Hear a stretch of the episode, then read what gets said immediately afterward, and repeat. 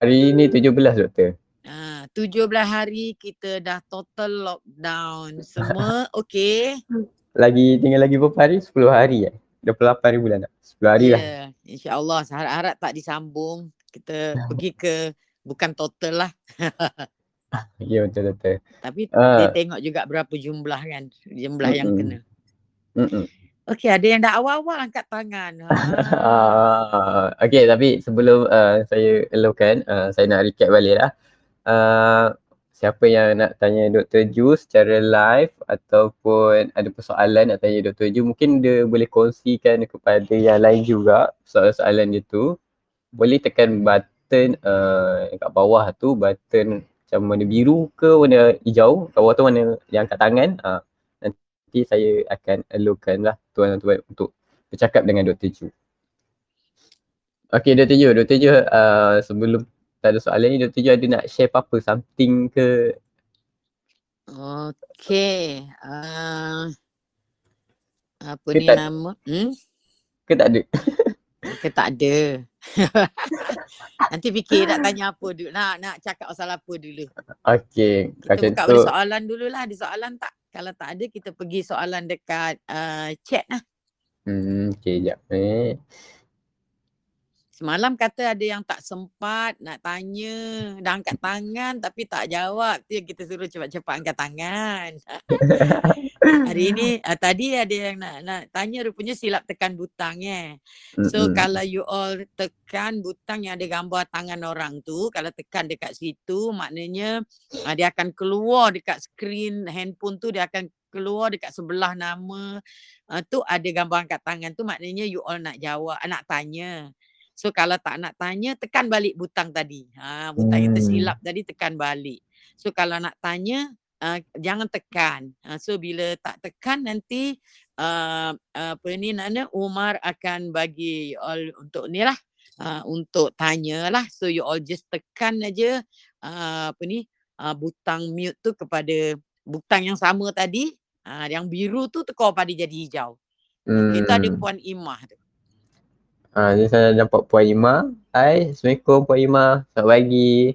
Puan Ima boleh tekan button tu untuk bercakap. Okey, Assalamualaikum. Selamat pagi doktor. Encik Umar sekali. Waalaikumsalam. Uh, Waalaikumsalam Puan Imah dari Salam mana? Puan Ima. Oh, saya dari Rawalangor. Ya. Ha Ya Puan. Tak apa doktor, saya saya saya uh, saya nak cuba je tadi. Okey, saya dengar ya doktor ya. Okey, saya dengar tutup. dengar. Kita dengar, kita dengar. Okey. Nak tanya apa tu Puan? Puan ni nak testing je. Oh nak testing je. Puan Ima duduk kat mana? Selangor eh? Dekat Kampung- Rawang tadi dia cakap. Oh, Rawang. Eh. Ha, nanti kalau ada soalan dah tahulah macam mana nak tanya kan Puan Imah. Okey. Okay, kat sini saya nampak ada Puan, ah, ramai yang angkat tangan. Saya nampak Puan Jazilah tadi dah angkat tangan dulu. Hai, Assalamualaikum Puan Jazilah. Selamat pagi. Boleh tekan button tu untuk bercakap. Ke nak test-test juga. Boleh ke Puan Jazilah ada tanya nak tanya soalan ke? Assalamualaikum Dr. Ju. Ya, Waalaikumsalam. Puan dari mana? Ah, saya dari Bangi. Ha, ya. Okey, doktor saya ah, macam ni. Ah, hari tu saya tak tak perasan saya saya dah tu dah soal dalam online chat tu tapi tak perasan dah jawab belum. Satunya ah, berkenaan dengan arthritis saya nak tanya. Ya. Apakah kalau kita ada kecil manis ni boleh menyebabkan arthritis tu? Mm-mm. Sebabnya uh, saya bulan tiga itu doktor bagi saya makan ubat apa nama ni? Metformin. Uh, metformin ha. Ha. Lepas tu bila pergi check up dua kali dah check up uh, hari Isnin hari tu doktor kata boleh berhentilah sebab dia punya apa nama purata saya punya gula tu uh, okey dia kata. Mm-mm. So dia suruh berhenti. Tapi masalah sekarang saya macam ada arthritis sakit dekat sendi paha ni. Sendi Lepas- lutut ke sendi peha? Ha. Sendi lutut lah. Paha. Paha, paha. Peha dekat atas tu. Kepala Ah, ah, dekat ya. uh, peha tu. Ha. Ah betul. Mm-mm. Ah lepas tu ah, saya hari tu doktor juga bagi saya makan ubat darah tinggi. Mm-mm. Ah yang 2 ml eh 5 lepas tu dia turunkan kepada 2 mg. Mm-mm. Um, Amlodipine ke? ah, kejap nak tengok apa tadi. Provin Provinis. Provinis. Oh, perindropril. Ah ah, ah ya betul. Ah. Mm-mm. Ah, so saya tak start lagi yang tu sebab dia sebelum makan. Jadi biasa saya ma- dia bagi ubat yang selepas makan. Jadi tak Tekanan sempat. darah tingginya berapa yang kena makan ubat? Um, masa awal pergi check dulu 150, 160 tapi sekarang dah okey hari check yang last hari Senin tu 130, 136. Tak payahlah makan ubat. Itulah saya doktor doktor bagi saya pun tak makan lagi lah setakat ni tak start lagi yang tu. Uh, you cuma perlukan beli BP set pagi, petang, pagi, petang. Lepas makan, sebelum makan check. Itu je. Kalau bawah tak lebih daripada 90, jangan makan. Atas you kena check waktu you betul-betul rehat, dah relax, tak ada buat apa-apa, bukan lepas makan baru you check. Sebab atas ni bergantung uh, pada you punya aktiviti. Kalau you baru jalan, baru buat kerja penat, you check memang tinggi sebab jantung you berdenyut laju. Uh, jadi uh, kriteria untuk makan ubat darah tinggi ni bila diastolik atau ataupun yang bawah tu lebih 90. Dan kalau yang Hmm. atas tu kita tengok juga waktu rest betul-betul rest. That's why kita check 2 3 kali. Kalau mula-mula you check 190, so check balik oh rupanya 150, check balik oh 140. Itu tak perlu ubat. Maknanya Ah. uh. jantung you berdenyut. Tadi uh, you makan ubat kencing manis tu kenapa sebelum ni doktor bagi ubat kencing manis? Berapa gula waktu tu? Masa tu check uh, puasa 8 lebih 8.9 saya tengok. Ha. Uh-huh. Ah. Lepas tu check yang kali kedua tu 6.5. Tu dah makan ubat belum? Ah itu dah makan ubat lah. Ha, lepas, tu, uh, hari Isnin check uh, tu makan lepas makan tak puasa 6 6.5. Mm-mm. Selain daripada makan ubat, apa yang puan dah buat? Ah, Saya sekarang dah turunkan berat badan lah. Dulu Ha, saya. 76, sekarang dah Mm-mm. 73. Hmm, kalau turun lagi lagi bagus. Sebenarnya mak, maknanya puan ni punya uh, ada masalah yang dipanggil insulin resistant. Itulah menyebabkan gula naik, darah tinggi naik, semua. Tapi once Hmm. you turunkan berat badan, insulin resistant tu akan dirawat. Bila dia dia Hmm. dah dirawat, kalau dia dirawat tu tak tahu sama ada dia di- uh, boleh baik sepenuhnya ataupun belum baik lagi. Kalau dia baik sepenuhnya, maknanya uh, you punya BP tu dah normal balik dan dia takkan naik balik. Uh, tapi kalau dia baik separuh, maknanya you kena buat lagi, buat lagi sampai BP, uh, you punya berat, ni berat badan tu normal balik. Uh, jadi dia akan apa ni maknanya dia akan sebab dia tengok pada keterukan. Ada yang mengambil masa setahun, ada yang mengambil masa apa ni dua tahun, ada yang lima tahun, ada yang kena mengamalkan good diet tu for life.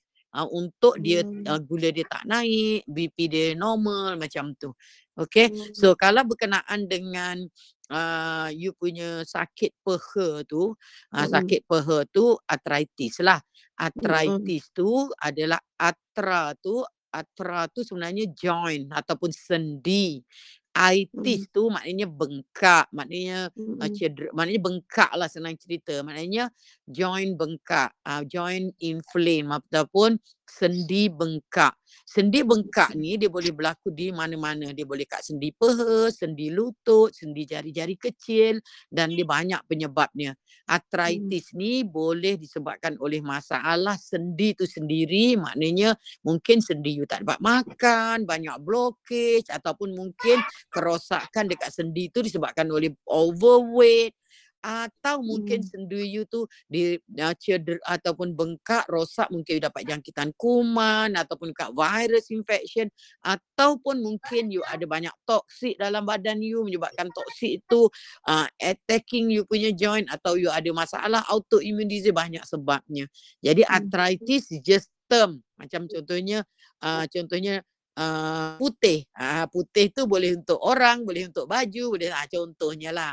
Uh, jadi you punya masalah sendi sakit tu uh, Dr. Ju tak pastilah kenapa. Mungkin ada makanan yang tak balance ke ataupun mungkin you dapat uh, masalah uh, masalah jangkitan uh, sendi ke ataupun uh, mungkin you ada masalah toksik dalam badan ke tetapi kalau dekat sendi ni kadang-kadang dia ada dekat especially dekat sendi peha dia lambat sikit nak hilang kadang-kadang sebab benda tu yang hmm. berlaku adalah radang kat dalam tu kan kadang-kadang hmm. kalau kita bu ambil you ubat anti radang contohnya ambil ubat je tahan sakit uh, kalau dalam masa 2 3 hari makan dah baik uh, okeylah Kadang-kadang dia berpanjangan. Ha, bila berpanjangan juga kita kena tahu apa puncanya.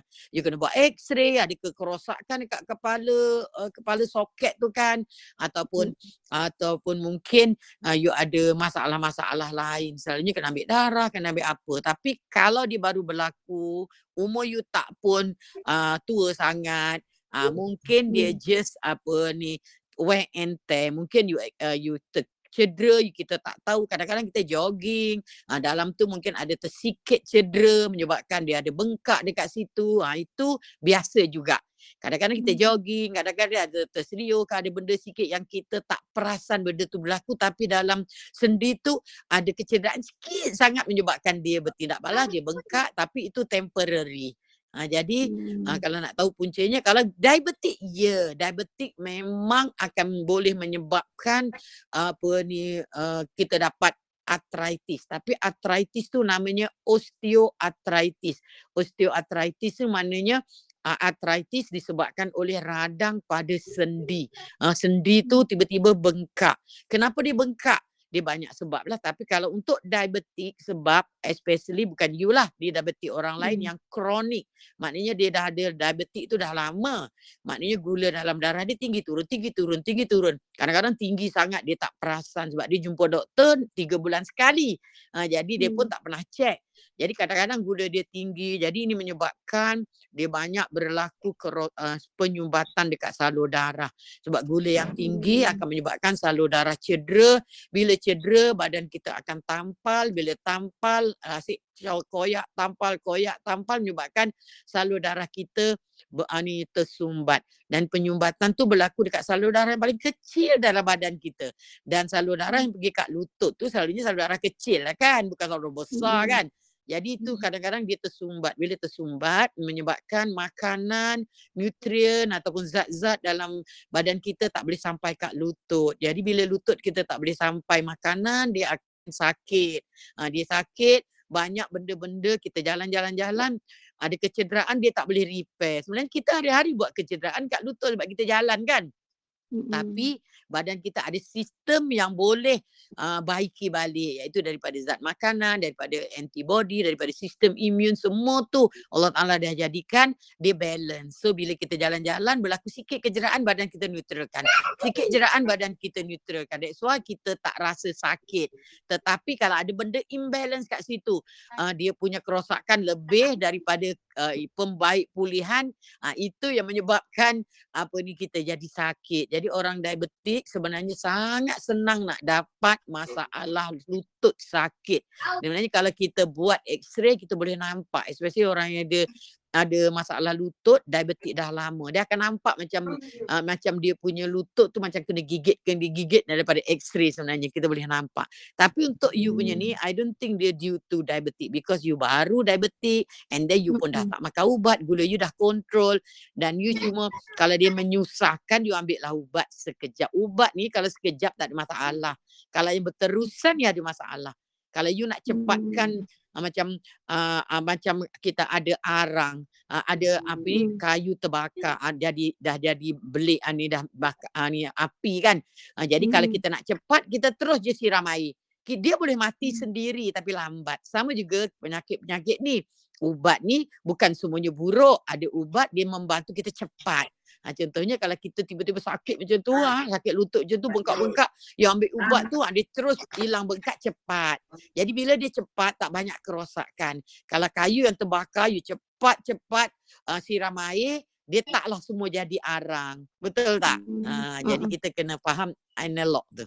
Okey Puan?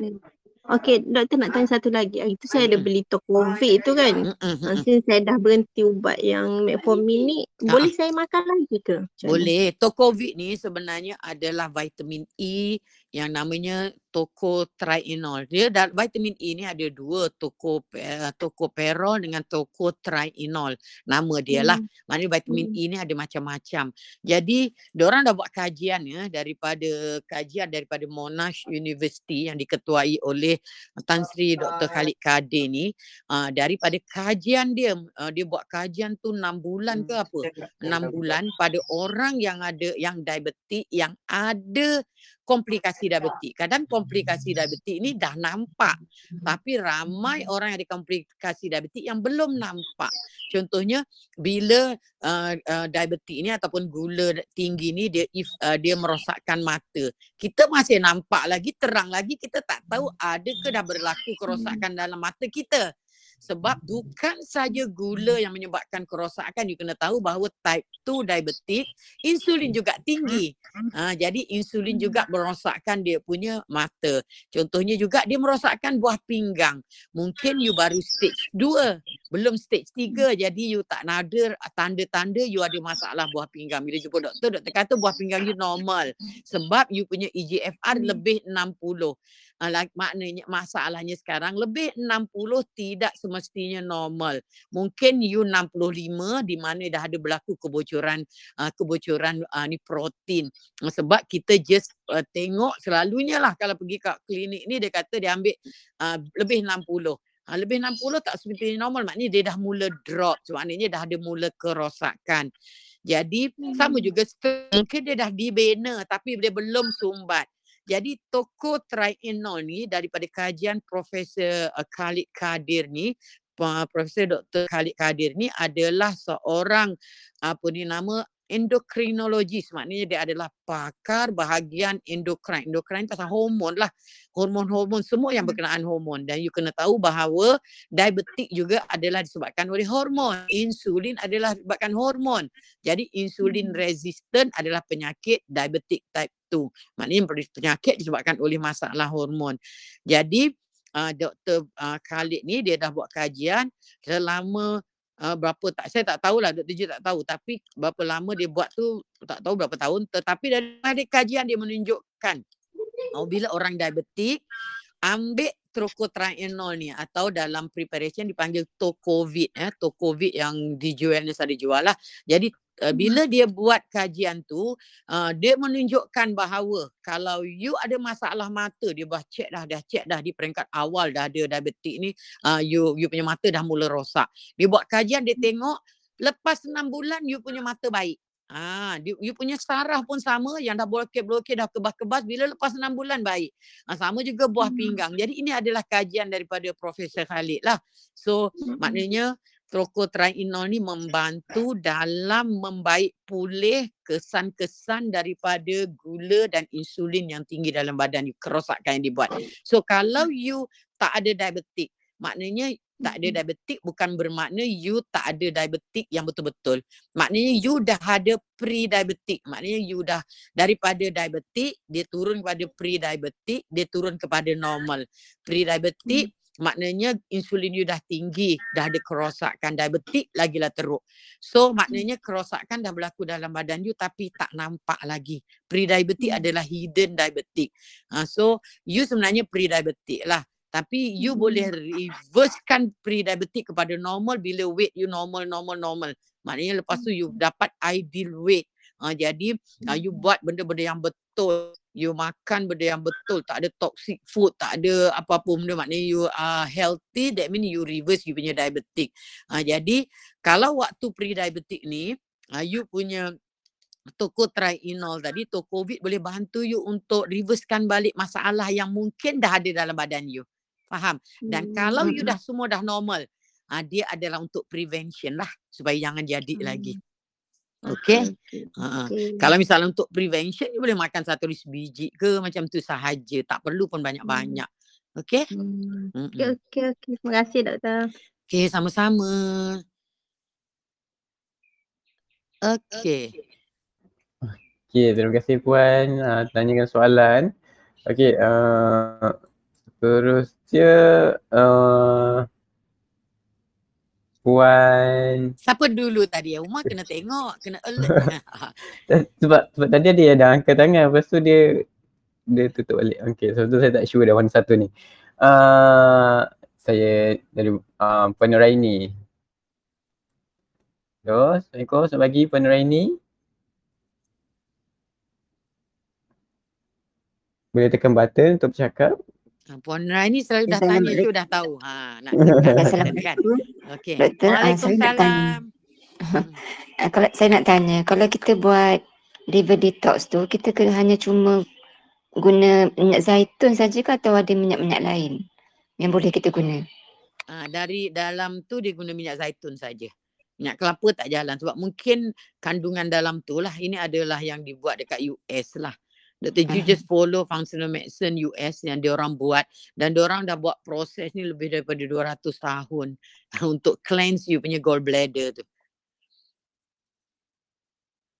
Lepas tu uh, kalau uh, lepas tu yang kedua doktor, doktor uh, seminar uh, my DJ diabetes tu, Mm-mm. kalau orang yang tak ada diabetes tapi kalau ada autoimmune ke kalau nak join tu ataupun lebih baik uh, join yang kalau untuk autoimmune saja. Kalau autoimmune tu uh, tengoklah dia ada masalah obesity ke tak. Tapi kalau dia join, dia dapat macam-macam ilmu lagi lah untuk badan dia. Sebab kalau you ada autoimmune, you akan boleh dapat diabetes juga later.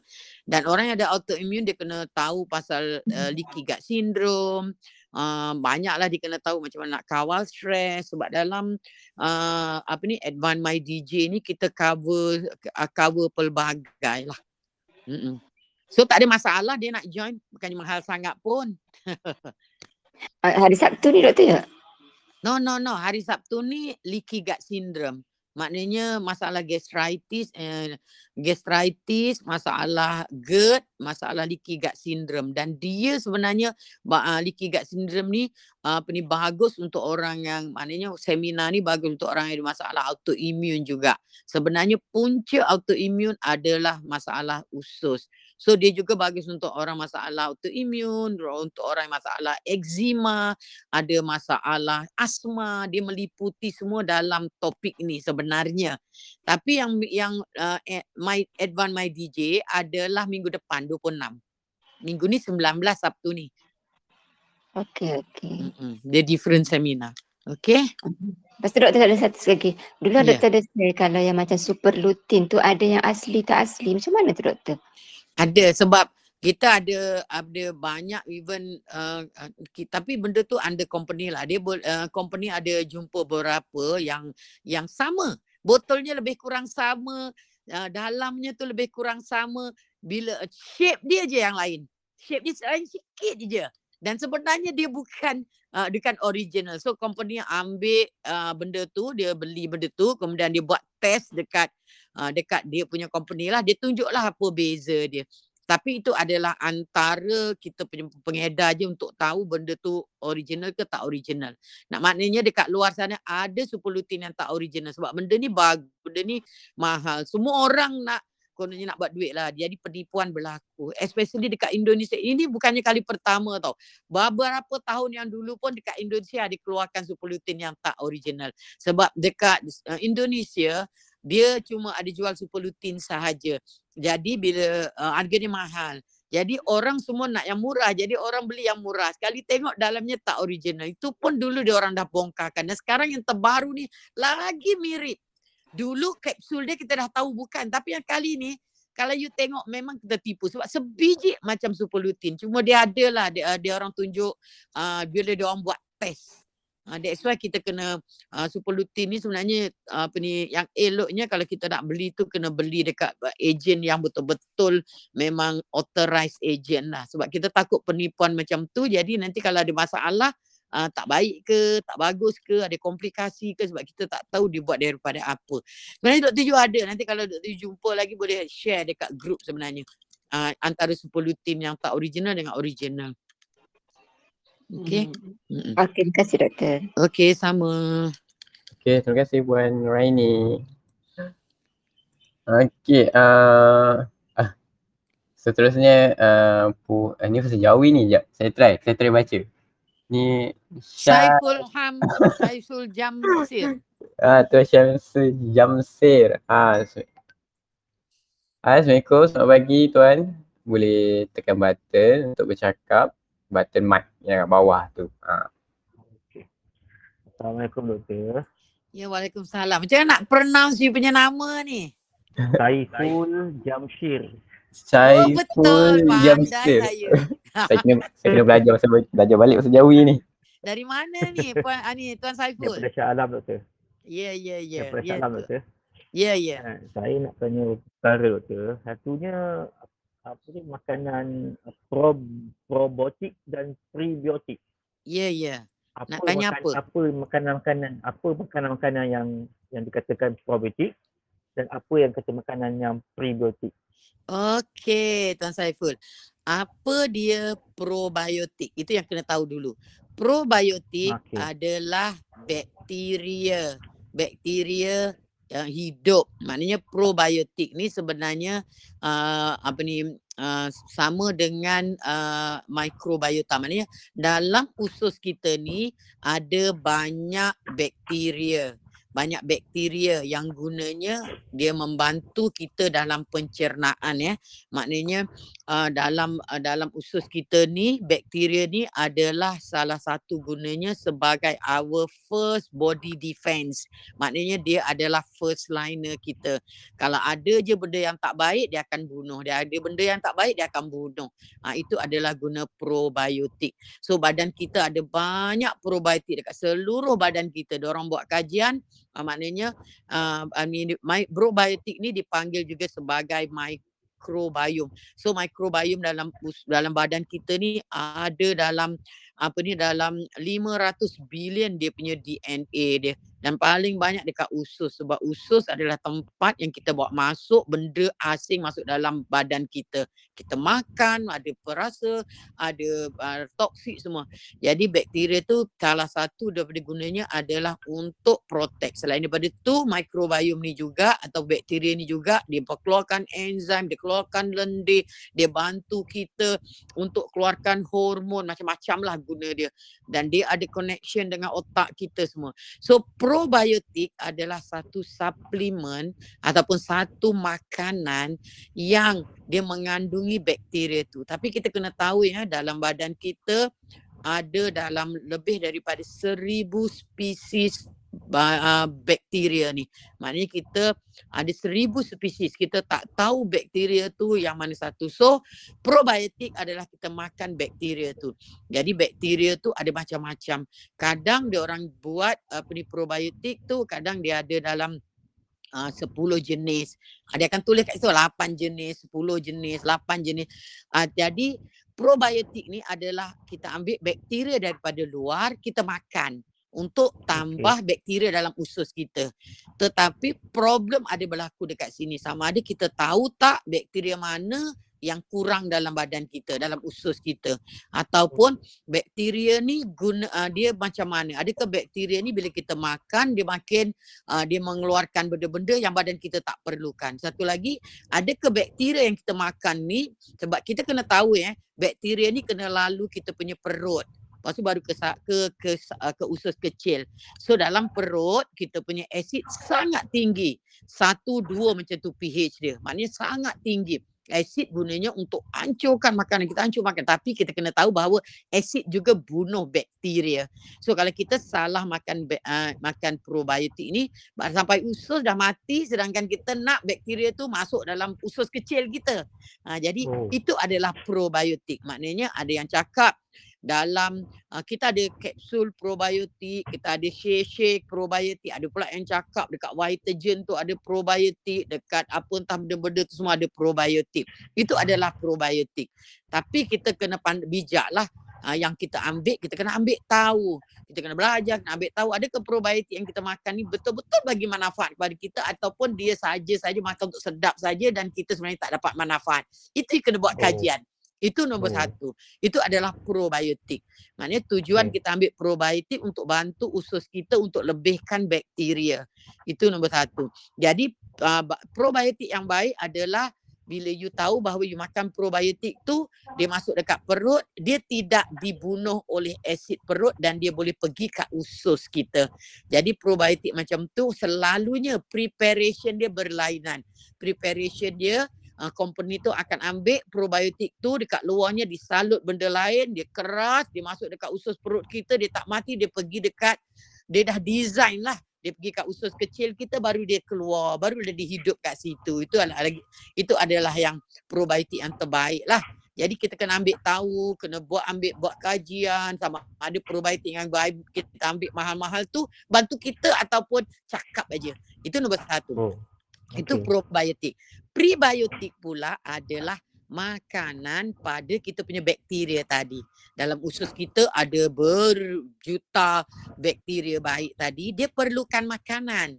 Ha, jadi dalam bakteria dalam usus kita ada bakteria yang bakteria baik, bakteria uh, tak baik. Maknanya bakteria jahat.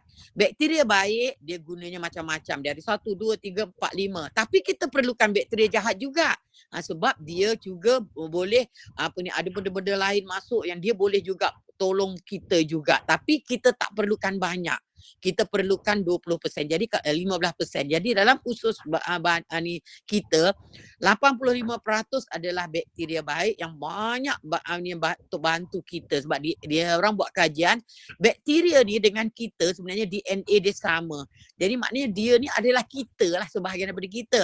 Dan orang dah buat kajian dekat Jepun di mana dia try tau dia bunuh semua dekat badan kita semua proba ah, ni uh, probiotik dalam badan kita semua dibunuh. Dia tengok kita tak boleh hidup, kita mati. Sebab maknanya bakteria tu ada memang Allah Taala jadikan untuk bantu kita. So, uh, apa ni nama bakteria dalam perut kita tadi semua perlukan makanan. Uh, maknanya makanan tu dipanggil prebiotik. Jadi apakah makanan-makanan yang menjadi makanan bakteria kita? Itu namanya prebiotik. So prebiotik daripada apa? Daripada benda-benda yang diperam, maknanya dia makan dia pernah makan. Uh, jadi daripada apa ni mungkin uh, sayur-sayuran, fiber. That's why prebiotik adalah yang kalau yang terkenal selalunya yogurt. That's why you tengok Vitagen tu masam sebab dia letak bakteria dia tak yogurt. Ha, tapi masalahnya problemnya dia letak gula banyak. Sedangkan gula adalah makanan pada bakteria jahat. Ha, jadi nanti kalau you makan probiotik campur gula, bakteria jahat juga akan mu akan naik. Akan hidup lebih dia mengalahkan bakteria baik. Okay. So prebiotik yang terkenal tu contohnya macam brokoli. Contohnya macam apa ni nama uh, dekat apple cider pun ada bakteria baik. Kemudian arabic gum pun ada uh, bukan bakteria, pre prebiotik makanan bakteria tadi lah. So makanan bakteria tu yang terbaik contohnya tu tadi sayur-sayuran yang banyak fiber, contohnya brokoli, contohlah uh, brokoli, contohnya cauliflower and then, and then uh, arabic gum, dia juga ada dekat apple cider, dia juga ada dekat dekat luar negara ada chirori root. Jadi ada banyak lah you boleh kaji sendiri probiotik tu ada kat mana. Ha, jadi itu adalah beza prebiotik probiotik. Satu bakteria, satu makanan dia. Okey? Oh, okey. Mm-mm. Satu lagi doktor tanya, uh, macam apa sekarang ni macam viral kata apa klorofil, klorofil ni bagus ke tak bagus doktor? Klorofil. Klorofil ni sebenarnya adalah daripada hijau lah. Apa yang penghijau dia ada klorofil. Kita belajar kan dekat sekolah rendah ke sekolah menengah dulu bahawa makanan kepada pokok tu uh, dia sintesis dekat daun. Uh, daun dalam bentuk klorofil. Klorofil ni makanan pokok lah. Tetapi kita kena tahu bahawa dalam uh, apa ni dalam tumbuh-tumbuhan ni selain daripada de- dekat uh, daun ke dekat tu dia ada benda-benda lain juga yang bagi manfaat pada manusia. Jadi Allah Taala jadikan benda-benda tu uh, ada manfaat pada manusia. Dalam daun tu, dalam daun tu dia mungkin dia ada macam-macam lagi. Dia ada juga yang dipanggil phytonutrient. Phytonutrient ni makna contohnya brokoli. Brokoli ni uh, dia uh, sedap. Dia maknanya uh, ha, ni serangga suka sangat. Bak ataupun bak ke ataupun serangga-serangga kecil suka dia. So dia akan makan makan makan so dia tak cepat besar pun uh, you punya brokoli dah rosak dekat dekat dekat apa ni dekat ladang. Jadi Allah Taala jadikan dekat brokoli tu dia keluarkan satu bahan uh, phytofactor ni yang uh, bila uh, apa ni uh, benda-benda kecil ni nak makan dia dia tak tak boleh makan, dia tak sedap ataupun mungkin dia mati. Jadi itu adalah satu protection yang Allah Taala jadikan untuk pokok tu supaya dia boleh besar. Faham tak? Maknanya dia boleh hmm. kita boleh makan. Jadi dalam uh, phytofactor tadi yang dikeluarkan oleh brokoli ni rupanya bila kita makan kita dapat phytofactor dia bagi kebaikan untuk manusia rupanya. Ha, jadi hmm. klorofil adalah satu benda hijau yang diambil daripada alge daripada alge. So dalam alge tu ada bahan ada mungkin ada phytofactor semualah. Jadi mungkin dia ada kebaikan dia juga. Jadi kalau kita makan tak ada masalah macam makan sayur lah. Cuma dia mungkin yeah, ya. concentrated. Yeah. Adakah kita perlu ambil kalau you dah ambil sayur hijau banyak Ha, sebenarnya bila Dr. Ju belajar balik, belajar balik sebenarnya kalau kita ambil satu suplemen tu terlalu berlebihan pun sebenarnya dia akan menyebabkan kita ada masalah lain. Kita boleh juga dapat hmm. uh, problem lain. That's why kita ambil satu benda tu mesti balance dan mesti uh, tidak perlu berlebihan. Maknanya tak perlu berlebihan sebab ada orang dekat botol tulis biji tiga kali. Dia ambil dua biji tiga kali. Dia kata bagus ni. Dia antioksidan. Dia boleh kita hilangkan radang. Adakah dia perlu? Ha, sebenarnya benda okay. tu semua kena balance. That's why kalau you tengok ah ha, ada satu company X lah tak payah cerita. Ha, ramai dulu famous, ramai kita punya ha, dia punya pengedar makan sampai satu hari berpuluh-puluh vitamin, 20 jenis, 30 hari biji-biji. Ha, lepas tu kalau you tengok ramai antara pengedar dia yang hebat-hebat mati cancer, breast cancer. Ha, jangan tanya oh. Dr. Ju company apa. Ha, itu bila Dr. Ju cari balik apa ni uh, study-study balik sebenarnya anything kalau kita ambil berlebihan even nasi tu kita kata bagus kita ambil berlebihan memang dia akan menyebabkan kita sakit. So kalau ambil satu benda kena buat berpada-pada kena ambil ikut apa yang company tu dah buat kajian you boleh ambil dua saja dan adakah you nak ambil pelbagai sebenarnya tak perlu. Kalau you dah ambil satu benda tu, ambil. Yang paling penting istiqamah. Maknanya hmm. kita buat, kita ambil sesuatu tu secara istiqamah. Kalau you rasa you believe yang you ambil tu bagus, you ambil tu je lah. Jangan ambil satu, dua, tiga, empat, lima, enam, tujuh sebab semalam. Ha, ni lagi satu cerita. Ha, ada seorang tu, uh, Allah tu uh, dia jumpa Dr. Ju lah. So dia ada masalah banyak. Mata dia pun dah buta dah disebabkan oleh masalah autoimun dia diabetik dia dia on insulin dah jumpa dia orang yang terkenal. Jadi dia dah jumpa pelbagai doktor yang hebat-hebat uh, dia jumpa uh, apa ni pakar sana pakar sini and then uh, uh, doktor sana doktor sini. So uh, buat dia shopping lah. Kalau doktor Ju cakap dia shopping doktor lah. Dia doktor ni tak baik pergi jumpa doktor ni jumpa doktor ni jumpa doktor okay. ni. Ada dekat 10 doktor pakar-pakar dia jumpa. So doktor Ju ni paling last lah sebab semalam baru jumpa. Doktor Ju tengok apa yang dia ambil adalah apa ni suplemen yang macam-macam macam-macam sebab dia kaya dia duit uh, tak ada masalah sebab dia adalah ah. seorang motivator yang terkenal dekat Malaysia ni walaupun Dr. Ju tak tahu sebab dia bila Dr. Ju katanya you kerja apa dia kata sebenarnya ah, Dr. Ju tak kenal saya ya memanglah Dr. Ju tak kenal rupanya dia adalah seorang motivator yang famous kat Malaysia Indonesia Singapura I don't know okay uh, gini. so uh, jadi bila tengok macam tu terkejutlah Dr. Ju kan Ha, sebab ada dua orang. Sebelum ni pun seorang macam tu juga. Dia orang terkenal juga dekat Malaysia. Dia ambil dia masalahnya dia jumpa doktor dia kata hormon ni kurang, hormon ni kurang, hormon ni kurang. So dia bagi you bio apa ni bio identical hormon.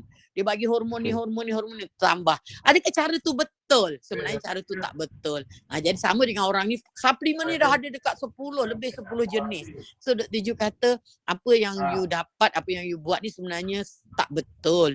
Kalau you nak betul, you tak tahu suplemen ni betul ke baik untuk you. Yang kalau you nak betul adalah you kena buat, you ada duit pun tak guna. You kena buat nutrigenomic study, buat gene study. You tengok ya, sebenarnya badan you perlukan yang mana. Betul ke badan you perlukan semua ni? Ha, faham tak?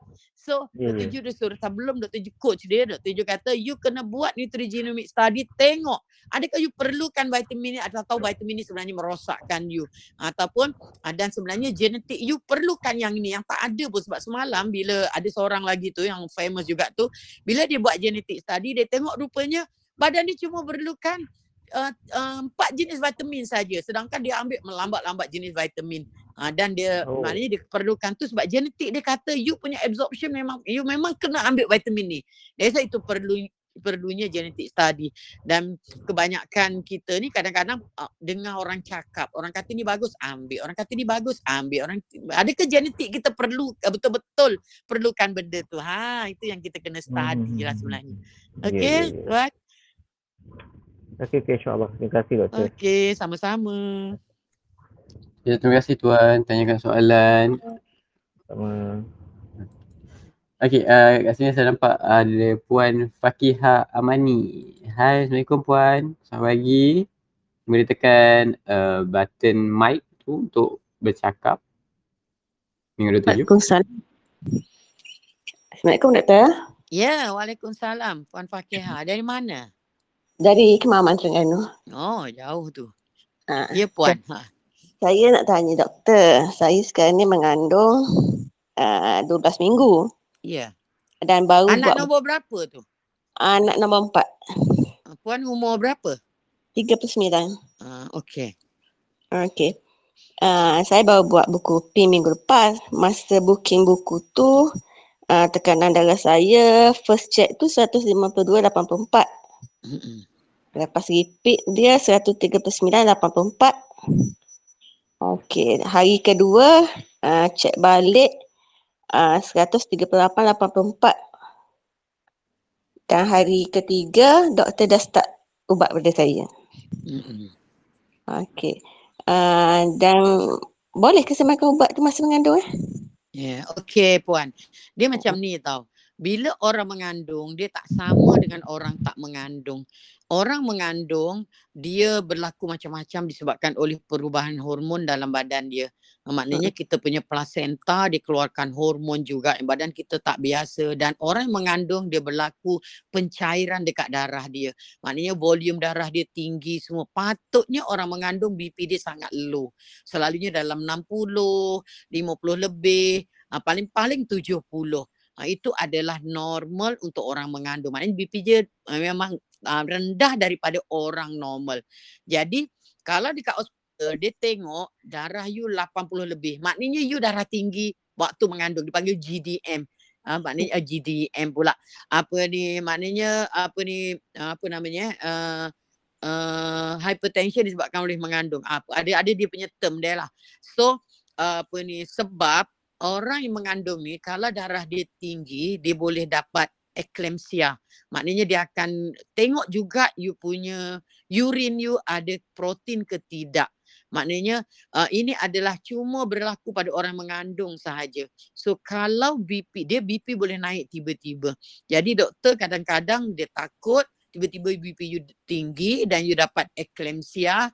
Uh, jadi itu bahayalah sebab eclampsia ni adalah keadaan di mana you dapat sawan dan dia boleh uh, me, me, apa ni boleh apa ni menyebabkan kematian kan. That's why itu selalunya kat ujung-ujung. Tapi kalau 12 minggu BP you hmm. macam tu uh, uh, kalau Dr. Ju lah Dr. Ju akan selalu check. You dah check berapa lama dah tu? Uh, sebelum tak pernah check lah.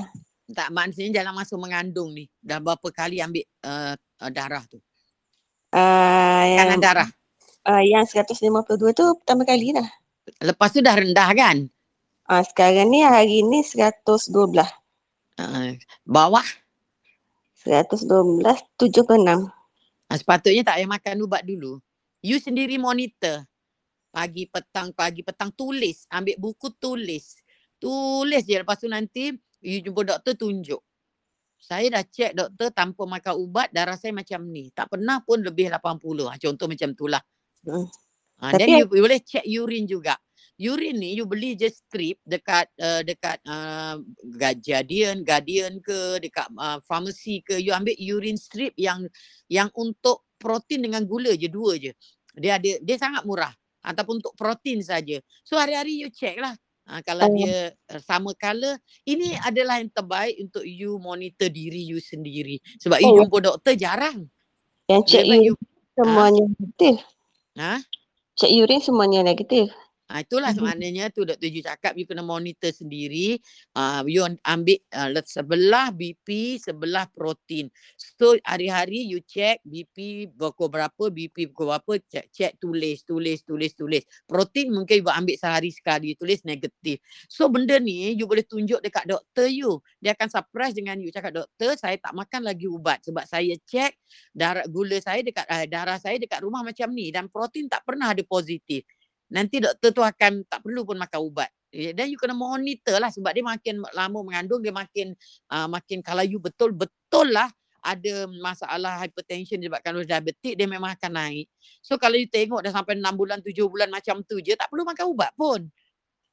Oh, oh, oh. tapi you kena buat benda yang betul lah. You tak boleh ambil gula.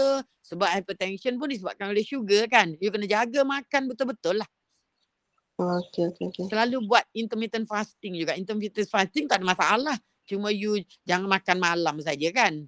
Mm. Maknanya siang makanlah. Baby you uh, memang memanglah diperlukan makanan. Tapi cukup dah. Tak ada masalah pun. You makan siang saja. Okay. Tapi no sugar lah makan nasi tu buat uh, buat apa ni makan na- nasi. Yang sehat je lah yang sehat. Makan natural food jangan makan processed food. Semua tu akan menaikkan darah tinggi.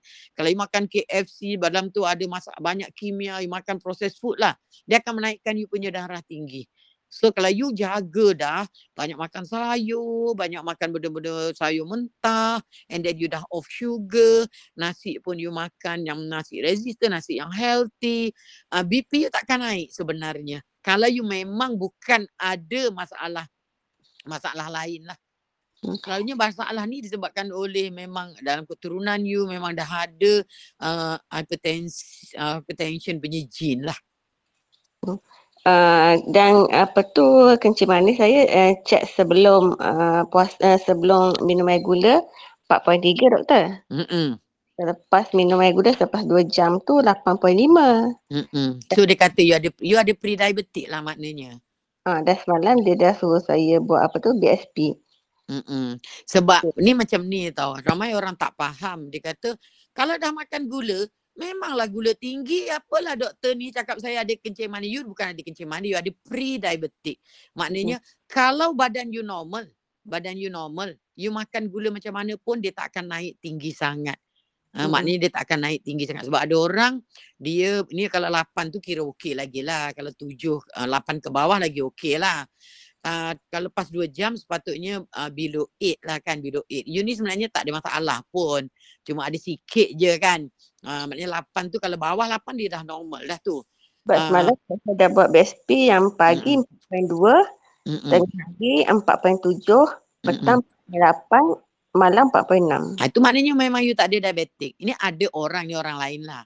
Uh, orang yang bukan bukan mengandung lah. Bila doktor suruh buat glucose tolerant test ataupun GTT. Ha, ini se- itu untuk orang ini untuk orang lain jugalah. Apa dia GTT? Glucose tolerant test. Glucose tolerant test ni adalah bila doktor check you punya gula dia tengok fasting tujuh. Ha, normal fasting adalah dal- bawah bawah lima kan. Jadi doktor tak tahu you ni ada kencing manis atau tidak. You ni ada insulin resistant atau tidak. Maknanya dalam badan you dah ada masalah lah. So dia bagi you, maknanya dia challenge badan you. Dia challenge badan you dengan bagi gula tinggi-tinggi. Bila bagi gula tinggi-tinggi badan you boleh boleh uh, boleh bertindak normal ke tidak? Ha, kalau tak boleh bertindak normal maknanya you memang dah ada kencing manis lah ataupun dipanggil pre-diabetic. Ha, jadi dia bagi you minum gula. Ha, bila minum gula, badan da, gula dalam darah you akan meroket dan patutnya badan you akan bantu you cepat-cepat clearkan gula tu. So lepas 2 jam patutnya dia mestilah uh, bawah apa ni maknanya bawah 8 lah. Ha, ini kalau untuk orang normal. Jadi ada orang yang bising dia kata, doktor ni apalah dia kata, memanglah lepas makan gula, gula jadi 12. Dia sepatutnya tak 12. Sepatutnya bawah 10. Kalau dia dah 12, maknanya you memang dah ada pre-diabetic. Dia tak perlu makan ubat lagi orang ni. Tetapi dia perlu uh, buat sesuatu lah. Ikut protokol yang selalu Dr. Ju bagi. Okay? Oh. Dan uh, PA profile saya kan doktor, Uh-uh. uh, Dia ada dua yang low, urea dengan creatinine. Mm-mm. Creatinine dia uh, 38. Mm-mm. Itu tak ada masalah lah. Hmm. Jangan tinggi. Kalau tinggi tu maknanya you ada masalah kidney. Kalau rendah tu mungkin daripada makanan you macam tu je tak ada masalah. Kita tak tengok pun yang rendah. Kita tengok yang tinggi je. Okay, okay. So doktor maksudnya uh, untuk darah tinggi tu saya tak perlu makan ubat. Ah, you you tak perlu makan ubat, you monitor sendiri. Tapi you kena tulis, catat. Kalau you perlu ambil gambar pun ambil gambar. Tunjuk kat doktor. Ah, ni 15 bulan gambar macam ni. ah, Tampal dekat you punya buku. Tak. tunjuk betul-betul. Ha. Betul kan doktor baru ni dia pernah, pernah uh, lepas pada makan ubat tu ada sekali dua kali tu saya dapat 140 dan uh, 145 dah doktor tu nak tambah ubat.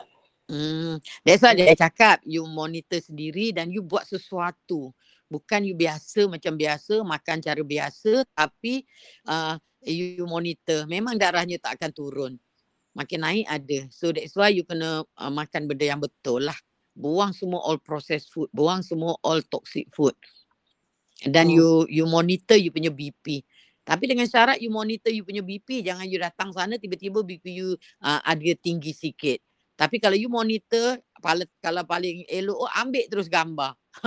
ambil gambar, snap, ah, letak. Tengok, ni ni 15 bulan, ni 14, ni 14, 15, 16, 17. Ni pukul 2, ni pukul 3 tunjuk. Tengok ni BP saya. Ni bukan saya tulis je doktor. Ini gambar dia. Ah, contohnya macam ni, kena banyak kerja lah. Kalau tak nak makan ubat. Ah, okay, okay, okay. Terima kasih Mm-mm. doktor. Okey, sama-sama. Okay, terima kasih Puan Fakihah untuk tanyakan soalan. Hajah Niza tadi dah banyak kali angkat tangan. Ah. Sian dia. Okey, Puan Hajar. Hai, Assalamualaikum Puan Hajar. Selamat pagi. Boleh tekan button uh, mic tu untuk bercakap dengan Dr. Ju. Hello, Puan Hajar. Tertekan ke ke tak jumpa button? Dekat depan tu ada button warna biru. Tekan kat situ. Hmm. Assalamualaikum Dr. Ju. Ya, Waalaikumsalam. Assalamualaikum Cik Omar. Selamat pagi. Selamat pagi Puan Ya, Hajar. Selamat pagi. Okey doktor.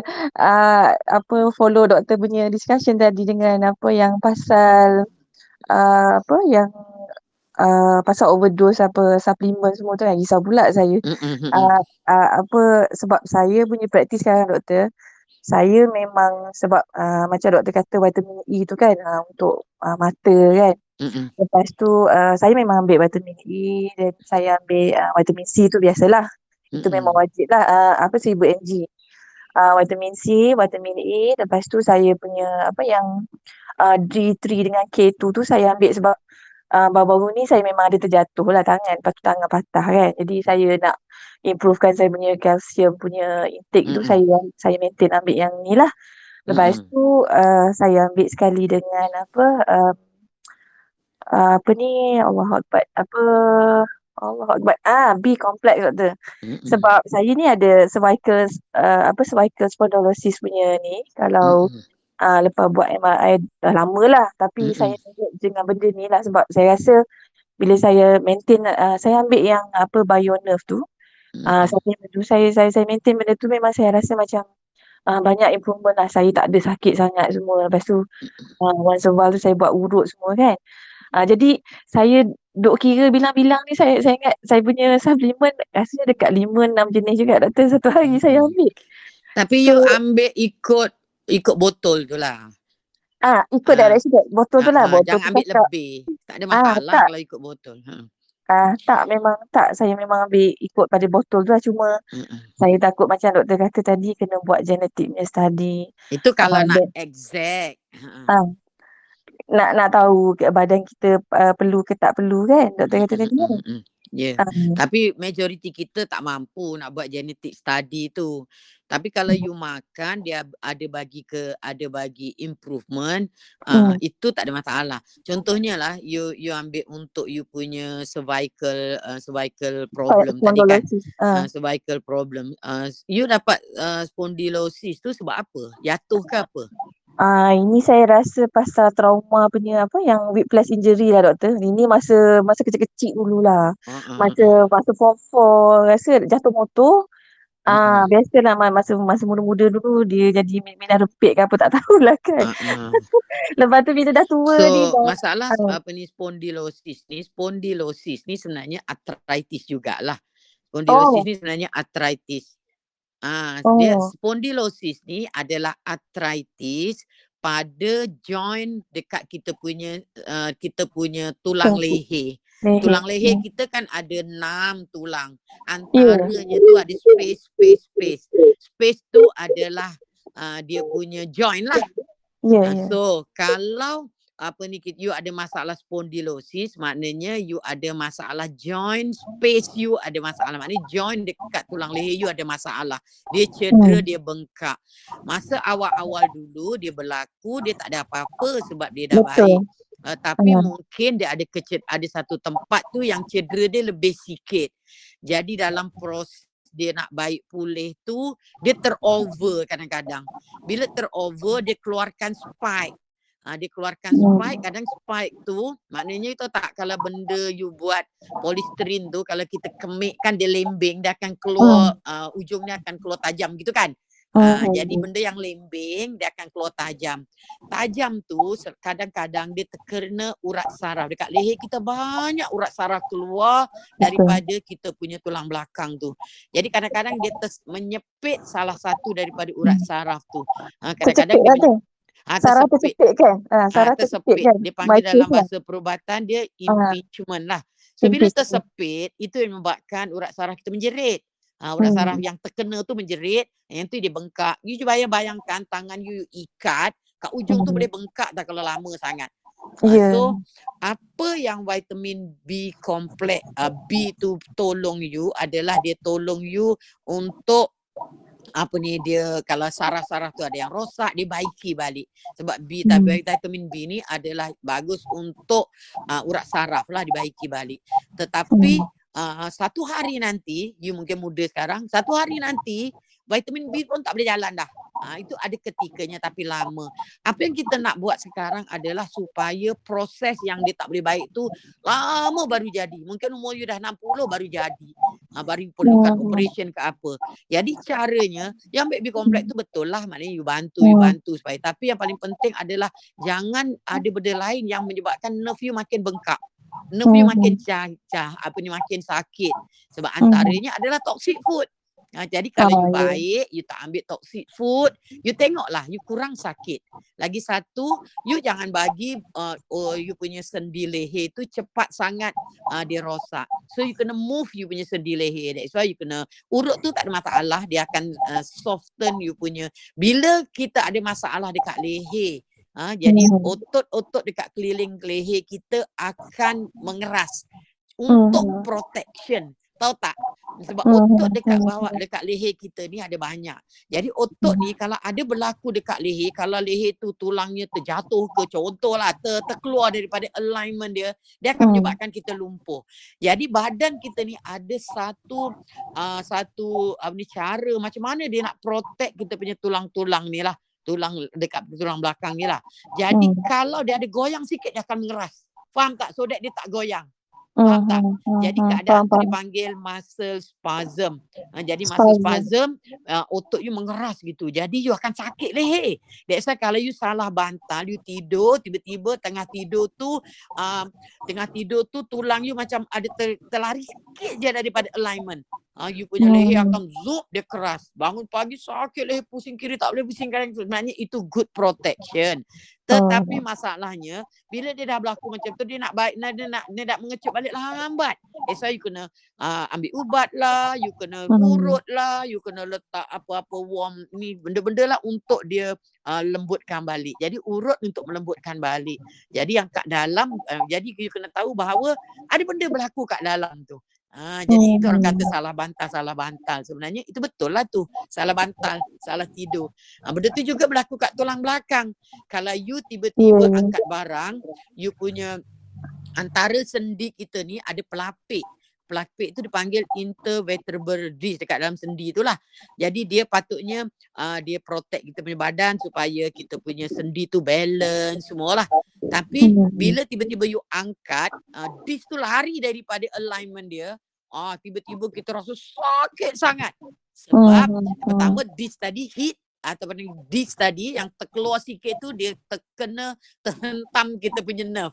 Yang kedua badan you akan react dengan otot kat sebelah dia mengecut keras gitu ha. ha jadi akan Hmm. sakit kadang tak boleh bangun lagi terus pergi hospital hospital inject kena pakai back support. Ah ha, itu sebenarnya is good protection tapi sebenarnya Ah. kita tak tahan. Jadi kita boleh hilangkan nak cepat hilangkan sakit tu Steroid. buat urut. Ha, kalau Syed. teruk sangat ambil steroid. Ha itulah sebenarnya. Dia Okey. dia dia kalau kalau kalau macam ni dia lebih kurang. Tapi ya kalau yang macam slip disc tu lagi serius lah doktor. Ah, Yang lagi serius. Ada Ah. juga slip disc dekat you punya tengkuk. Ramai orang dapat slip disc dekat tulang you punya ni leher. Tapi Ramai. tapi macam Ah. my case doktor memang masa buat MRI tu memang dok, uh, doktor dah apa rule out lah uh, saya punya C1 sampai C uh, C2 sampai C6 Ah, saya punya uh, saya punya tu Tulang memang leher. dia kata ah saraf apa saraf saraf tercep, uh, ni lah Ah, saraf apa you impingement lah. uh, you tak ada slip disc lah. Mungkin Ah. kecederaan lah. Kecederaan menyebabkan badan you uh, buat healing tapi healing tu berlebihan menyebabkan berlakunya saraf tercepit tu. Tapi macam doktor kata kalau untuk long term punya apa orang kata uh, apa uh, kita nak nak nak ja- nak nak jaga dia sebab Mm-mm. doktor kata takut nanti 60 tahun ke apa ke dia Mm-mm. makin dia getting worse kan. Mm-mm. Uh, ma- macam apa yang saya buat apa saya ambil uh, B complex lepas tu once a while kalau dia rasa macam uh, dia punya apa uh, rasa macam sakit sengal ke saya urut tapi jarang kena lah alhamdulillah jarang Mm-mm.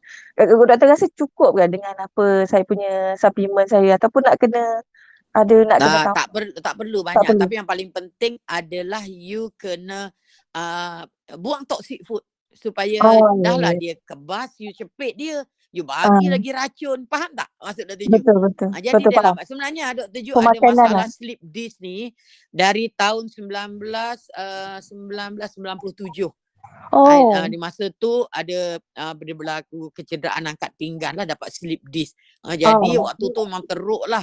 Dekat lamba Tetapi doktor. L. ah uh, L dekat ke? lamba L5 Uh, L6 lamba. uh, Oh. tetapi uh, waktu tu biasalah sebab uh, ni kita Uh, tapi apa yang Dr. Ju buat adalah kita bila kita dah buang toxic food semua benda tu bertahan Dr. Ju boleh simpan sampai hari ni.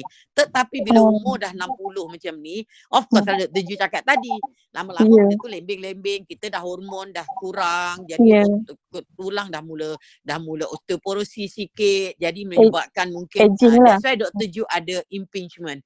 So sekarang Ah. sebenarnya my right side memang Dr. Ju ada nerve impingement tapi nak buat operation takut. Uh, kita jadi apa yang berlaku Dr. Ju cuma uh, pakai back support saja. So I boleh walk, I boleh run tapi pakai back support lah. Maknanya supaya kalau kan benda tu tulang tu terkepit kan, benda nerve terkepit. Boleh pakai Ya. back support you macam traction. So kadang-kadang very bad I pakai I terpaksa pakai back support for the whole day. Kadang-kadang one week cantik je. Lega mungkin doktor. perlukan operation jugalah ni. Tak tahulah tengok macam mana because it's too long already. Walau Hmm. tak baik macam mana tapi I boleh lama boleh tahan sebab ramai ramai orang tak sampai pun sampai lebih 10 tahun macam Dr. Ju ni. Ha, ramai orang yang tak boleh sampai itu sebab dia orang tak jaga awal. Maknanya awal-awal dah kena operate sebab tak boleh tahan kan. Sebab masa saya pergi dulu doktor, doktor yang doktor spesialis tu uh, dah saja suruh buat apa macam something kat dia cakap dia bak- bakar kita punya nerve ni. Ah, Uh, tahu-tahu. uh, it will cost me about apa 15 ke 16k gitulah. Tapi Ah, saya itu cakap eh, sebenarnya saya ah, cakap saya saya tak sakit tu. ah tak, sebab sebab saya tak sakit macam gitu. So saya tak saya perlu, saya tak saya perlu. tak nak, saya tak buat doktor. Masa tu pun dah masa pergi pun umur masa tu 40 berapa eh. Sekarang ni dah Ha, 50. ha, ha. 40 baik. Saya saya tak buat doktor. Saya just manage macam gini je lah Benda tu kalau temporary lah ah, ni puan. ya oh, alhamdulillah nasib baik saya tak ambil option uh, tu. sense of pain tu datang daripada brain. Brain tu yang bagi you sakit tu maknanya sense of pain tu lah. Dan dia Hmm. dibawa oleh saraf yang saraf pain tu lah. So Hmm. apa yang doktor buat, dia matikan saraf tu so that you tak rasa sakit. Tetapi Oh. kajian yang menunjukkan benda tu temporary. Badan you pandai dia akan keluarkan saraf lain. Bila ada Nanti saraf sakit lain balik. keluar, dia sakit balik dan waktu tu you tak boleh buat dah benda tu. Oh. Ramai orang buat tapi temporary lah. Ada contraindicationnya lah. Okey okey doktor. Satu lagi doktor nak Ya. tanya Yeah. uh, pasal saya ini orang kata coincidentally ter, ter, ter ni lah sebab apa pasal doktor cakap pasal apa tadi yang ada fake juga lah, apa uh, super luton tu kan. Mm-mm. Saya kakak saya ada bagi tahu kat saya dia dia pun dah start pakai follow saya punya cara Mm. saya ambil uh, apa lah kan uh, lato dengan doktor kan. Mm-mm. Uh, lepas tu dia dia pun nak try juga, dia pun nak cuba. Mm-mm. Tapi dia pergi apa uh, order dulu dekat Shopee sebab dia kata nak tunggu yang uh, Dr. Ju lambat sebab stok lah stok Ah, ah, sekarang ni tak ada kan. Ah, so dia dia ambil uh, dia order yang Lakanto. Lakanto Mm. punya tu daripada Shopee lah. Ah, ah, ah, ah. Saya tengok dia punya nutrition info doktor dia ada tulis kat situ apa Karbohidrat. uh, iya karbohidrat Ah, untuk betul. untuk pack satu kilo karbohidrat Ah. karbohidrat dia 100 gram lepas tu on top of that dia ada lagi let- letak ada kalori kat situ. Ah, Saya memang cakap betul. ah itu Ah. itu macam fake lah doktor betul. Ah, bukan bukan fake. You kena tahu bahawa apa dia lah kantor tu kandungan dia erythritol campur dengan Erythritol. monk fruit sweetener. You Ya. kena tahu apa dia erythritol. Erythritol adalah daripada karbohidrat juga, daripada starch juga yang diproses supaya uh, gula dalam starch tu bergabung so that dia tak uh, dia tidak dia bukan gula lagi jadinya. Faham tak? Hmm. So Hmm. dia Hmm. adalah still karbohidrat. Tetapi karbohidrat ni adalah dipanggil resistant karbohidrat lah. Bila masuk ke Hmm. dalam darah, badan you tak anggap dia gula. So dia ada kat Hmm. dalam darah you tapi dia tidak merosakkan badan you. Dia tak bagi apa-apa benefit dan dia tak bagi apa-apa kerosakan. That's why dia ada dalam tu Oh. karbohidrat. Ha, memang karbohidrat tu Oh. wujud tapi karbohidrat tu adalah karbohidrat yang dia macam dia masuk sebab untuk you sedap je. Sedap je. Ha, tapi bila masuk Oh. darah dia tak ada bagi apa-apa efek. Ya. effect. So that's why Oh. sweetener yang terbaik adalah pertama apa ni apa ni apa ni nama uh, stevia. Stevia ni cuma manis tapi dia is not sugar. Kedua is monk fruit sweetener. Dia juga manis tapi dia is not sugar. Dan erythritol ni adalah juga yang dipanggil sebagai sugar resistant Hmm. ataupun dia juga dipanggil juga sebagai apa ni nama uh, sugar alcohol. Maknanya dia adalah gula yang dihasil Hmm. macam kita buat tapai lah. Tapai. Menghasilkan benda manis. Manis tu gula lah. Jadi kita panggil Hmm. gula tu gula alkohol. Tetapi dalam proses tu dia gabungkan gula dengan gula gula dengan gula jadi apa ni dia tidak itulah Dr. Ju cakap dia bukan gula lagi. Dia tidak bagi that's why dia Oh. adalah gula yang selamat. Walaupun dia nampak ada karbohidrat tetapi dia Oh. karbohidrat yang dipanggil uh, dipanggil karbohidrat resistant lah dipanggil resistant starch. Kalau Starch. company yang macam Dr. Ju punya company kita akan letak dalam in bracket. Contohnya you tengok Bosta, Bosta kalau you beli dia ada Ah. dia ada tulis kat situ karbohidrat tapi ataupun dia tulis sugar tapi dia tulis kat situ dalam kurungan dia adalah resistant sugar. That mean dia bukan Oh. sugar yang yang menyebabkan kerosakan. tak ada tak ada efek. Maknanya Hmm, tak selamat ada lah efek. doktor. Ah, dia Ah, selamat. jadi Okay. saya saya boleh suruh dia kalau dia boleh pakai lah doktor eh. Boleh boleh tak ada masalah. Sebab tu Ah, kena ada ilmu. Kalau tak ada ilmu nanti ada setengah orang yang buat kita, oh gulanya lagi tinggi, takut. Ah sebab dia tak ada ilmu. That's why kena ada ilmu, tak tahu tanya. Bagus you tanya ni. Itu so orang saya, lain pun dengar. Saya Ha. tu peranjat saya cakap ini lah mesti nak kena tanya Dr. Ju sebab takut ni fake juga macam super lutein kan sebab Ah, tak. apa ah, siap ada 100 gram lagi gula Ah. lepas tu Yang fake tu kadang-kadang kita beli uh, pemanis bila kita minum tu manis sangat sebab kadang-kadang dia letak uh, dia letak apa ni nama sucralose. Sucralose is ah artificial gula sweetener. ah, Uh, dia gula bukannya uh, natural sweetener. Artificial sweetener ni dia ada banyak kontroversi lah. Dia kata okey tapi ada yang kata long term boleh sebabkan macam-macam. Uh, hmm. tapi uh, kalau misalnya uh, sekali-sekala ambil mungkin tak ada masalah lah. Kalau buat hari-hari kita takut sebab dia banyak belum belum complete kajian dia kan. Tapi Okey. kalau yang erythritol tu kalau kita ambil yang maksud saya yang lato ni lah yang erythritol tu kalau kita consume satu dua sudu teh Tak ada satu hari tak tak tak efek pada perut eh Ha doktor ah, sebab tak ada. ah, Ah kalau dia banyak sangat kadang ada efek kat perut. Dia gantung pada you lah. Kalau you ambil hmm. sangat kadang sebab dia ada yang tak diabsorb. Bila dia tak diabsorb, karbohidrat ni bila tak diabsorb, dia pergi kat usus. Ah jadi dia Hmm. makanan bagi, jadi makanan pada bakteria kita. Kalau you ada masalah usus, ah dia akan Hmm. menyebabkan ah banyak gas macam tu je lah. Tapi kalau you tak ada masalah usus, you tak ada leaky gut, dia tak ada masalah. Biasa orang yang ada leaky gut, Dr. Ju suruh ambil stevia ataupun monk fruit yang uh, yang pure yang tak ada campur erythritol. Tapi erythritol jauh be- beza dengan xylitol dengan lain-lain uh, pemanis lain lah. Sebab kalau you tengok Oh. doktor-doktor kat luar negara sana yang mengamalkan functional medicine, dia cuma Mhm. cadangkan tiga je yang terbaik. Yang lain-lain tak boleh masuk dalam list. Tapi kalau nak dapatkan yang monfruit yang ori yang dia Ada. sahaja susah dok ah. Ada doktor? susah lah cuma mahal Susah. dan monk fruit sendiri saja dia tak manis. Dia kurang manis. Oh. That's why Dr. Ju pakai kalau misalnya pakai monk fruit yang betul-betul beli kat kedai kedai apa ni Organic. tu yang dia ren, uh, direndam. Oh. Kita masak tu jadi macam gula merah. Contohnya you nak buat kuih kuih kuih yang guna gula merah, you nak buat uh, kelapa apa ni inti kelapa. Kan kalau putih tak cantik kan. Dr. Ju pakai monk fruit yang yang original beli dekat singse tu rebus dia jadi macam gula merah. Nak lebih manis ah, letaklah stevia ataupun erythritol ataupun lakanto. Oh, tapi yelah apa shortcut ambil lato doktor Ju pun dah cukup ke rasanya Ah, dah cukup. Tapi sekarang ni susah nak dapat nak dapat Ya. stok. Ha Saya ah, saya Mm-mm. terlambat sikit aja saya punya stok pun dah habis sebab biasa Mm-mm. order dalam 10 20 kan sekali bila dah ni nak ni lagi baru terlambat 2 3 hari dah habis dah Ah habis kan. ah, itulah. Sebab Ah, sekarang orang baguslah orang dah mula ada alert, orang dah mula tahu pasal gula tu tak bagus. Alhamdulillah. Uh, betul. so, uh, that's why uh, kita tengoklah nanti kita cari lagi. Lepas tu satu, okay. satu, satu lagi doktor Ya. s- sikit aja yang saya nak rumuskan yang doktor cakap tadi tu yang Uh-uh. pasal macam libatkan apa yang uh, kalau yang dicampur dengan uh, sebab kita banyak tengok dekat pasaran ni macam ya, uh, brand Yakult, uh, Vitagen kan. Uh, dia letak uh, apa yang uh, probiotik uh, dia kata bagus untuk usus.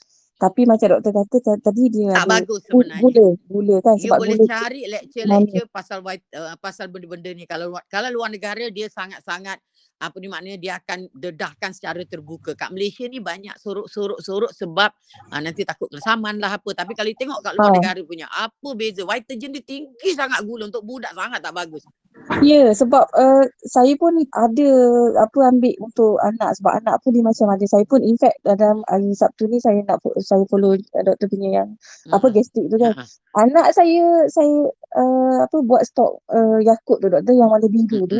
Mm-mm. Uh, memanglah dia tulis less sugar sebab dia katakan kat situ untuk bagus untuk masalah usus Oh kan. dia ada no sugar. Kalau no sugar okey. Uh, warna biru doktor. Tapi Uh, bukan no sugar. Ju tak pernah beli. Less less sugar. Uh, still Ah, ada less sugar. tu ada still ada sugar. Baik you bagi Ya. probiotik je. Ah, itulah saya saya dengar doktor cakap macam gitu saya cakap alamak tak betul lah ni ada ajaran sesat ni. Sama ada you bagi prebiotik ataupun you bagi terus apa ni you buat Arabic sendiri. You bagi pro, uh, prebiotik sahaja.